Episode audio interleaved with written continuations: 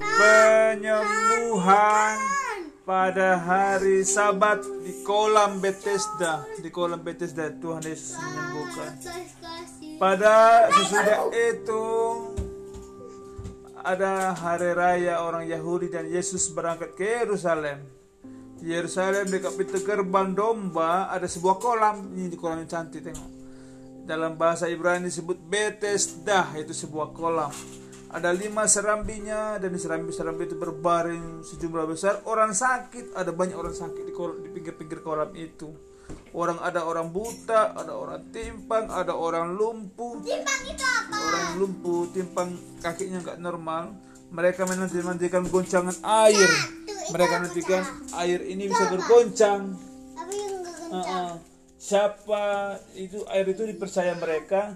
Sebab waktu-waktu turun malaikat Tuhan ke kolam itu dan menggoncangkan air Kenapa dari mana? da- dari langit dari surga datang ke kolam itu. Barang siapa yang dahulu masuk ke dalam goncangan air dia menjadi sembuh apa pun penyakitnya.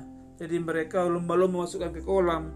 Di di situ ada seorang yang sudah 38 tahun sakit ketika Yesus melihat orang itu berbaring di situ dia nggak bisa duluan masuk ke kolam itu karena dia jauh nggak bisa langsung orang lain langsung masuk ke kolam itu. Jadi dia 38 tahun menunggu supaya dia disembuhkan.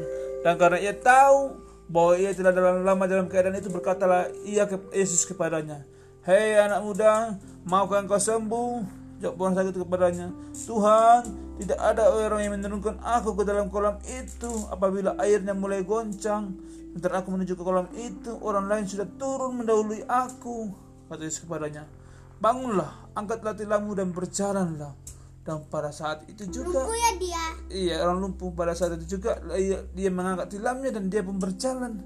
Tapi pada hari itu hari Sabat karena itu orang-orang Yahudi berkata sama orang-orang yang baru sembuh itu, hari ini hari Sabat dan tidak boleh engkau memukul tilammu. Itu.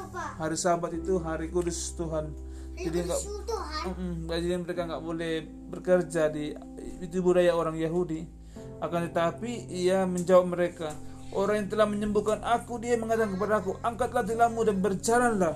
Dia mengulangi bilang seperti itu. Kemudian mereka bertanya kepadanya, siapa orang itu yang berkata kepada angkat tilammu dan berjalanlah. Tapi orang itu tidak tahu siapa nama orang itu. Sebab Yesus telah menghilang ke tengah orang banyak di tempat itu.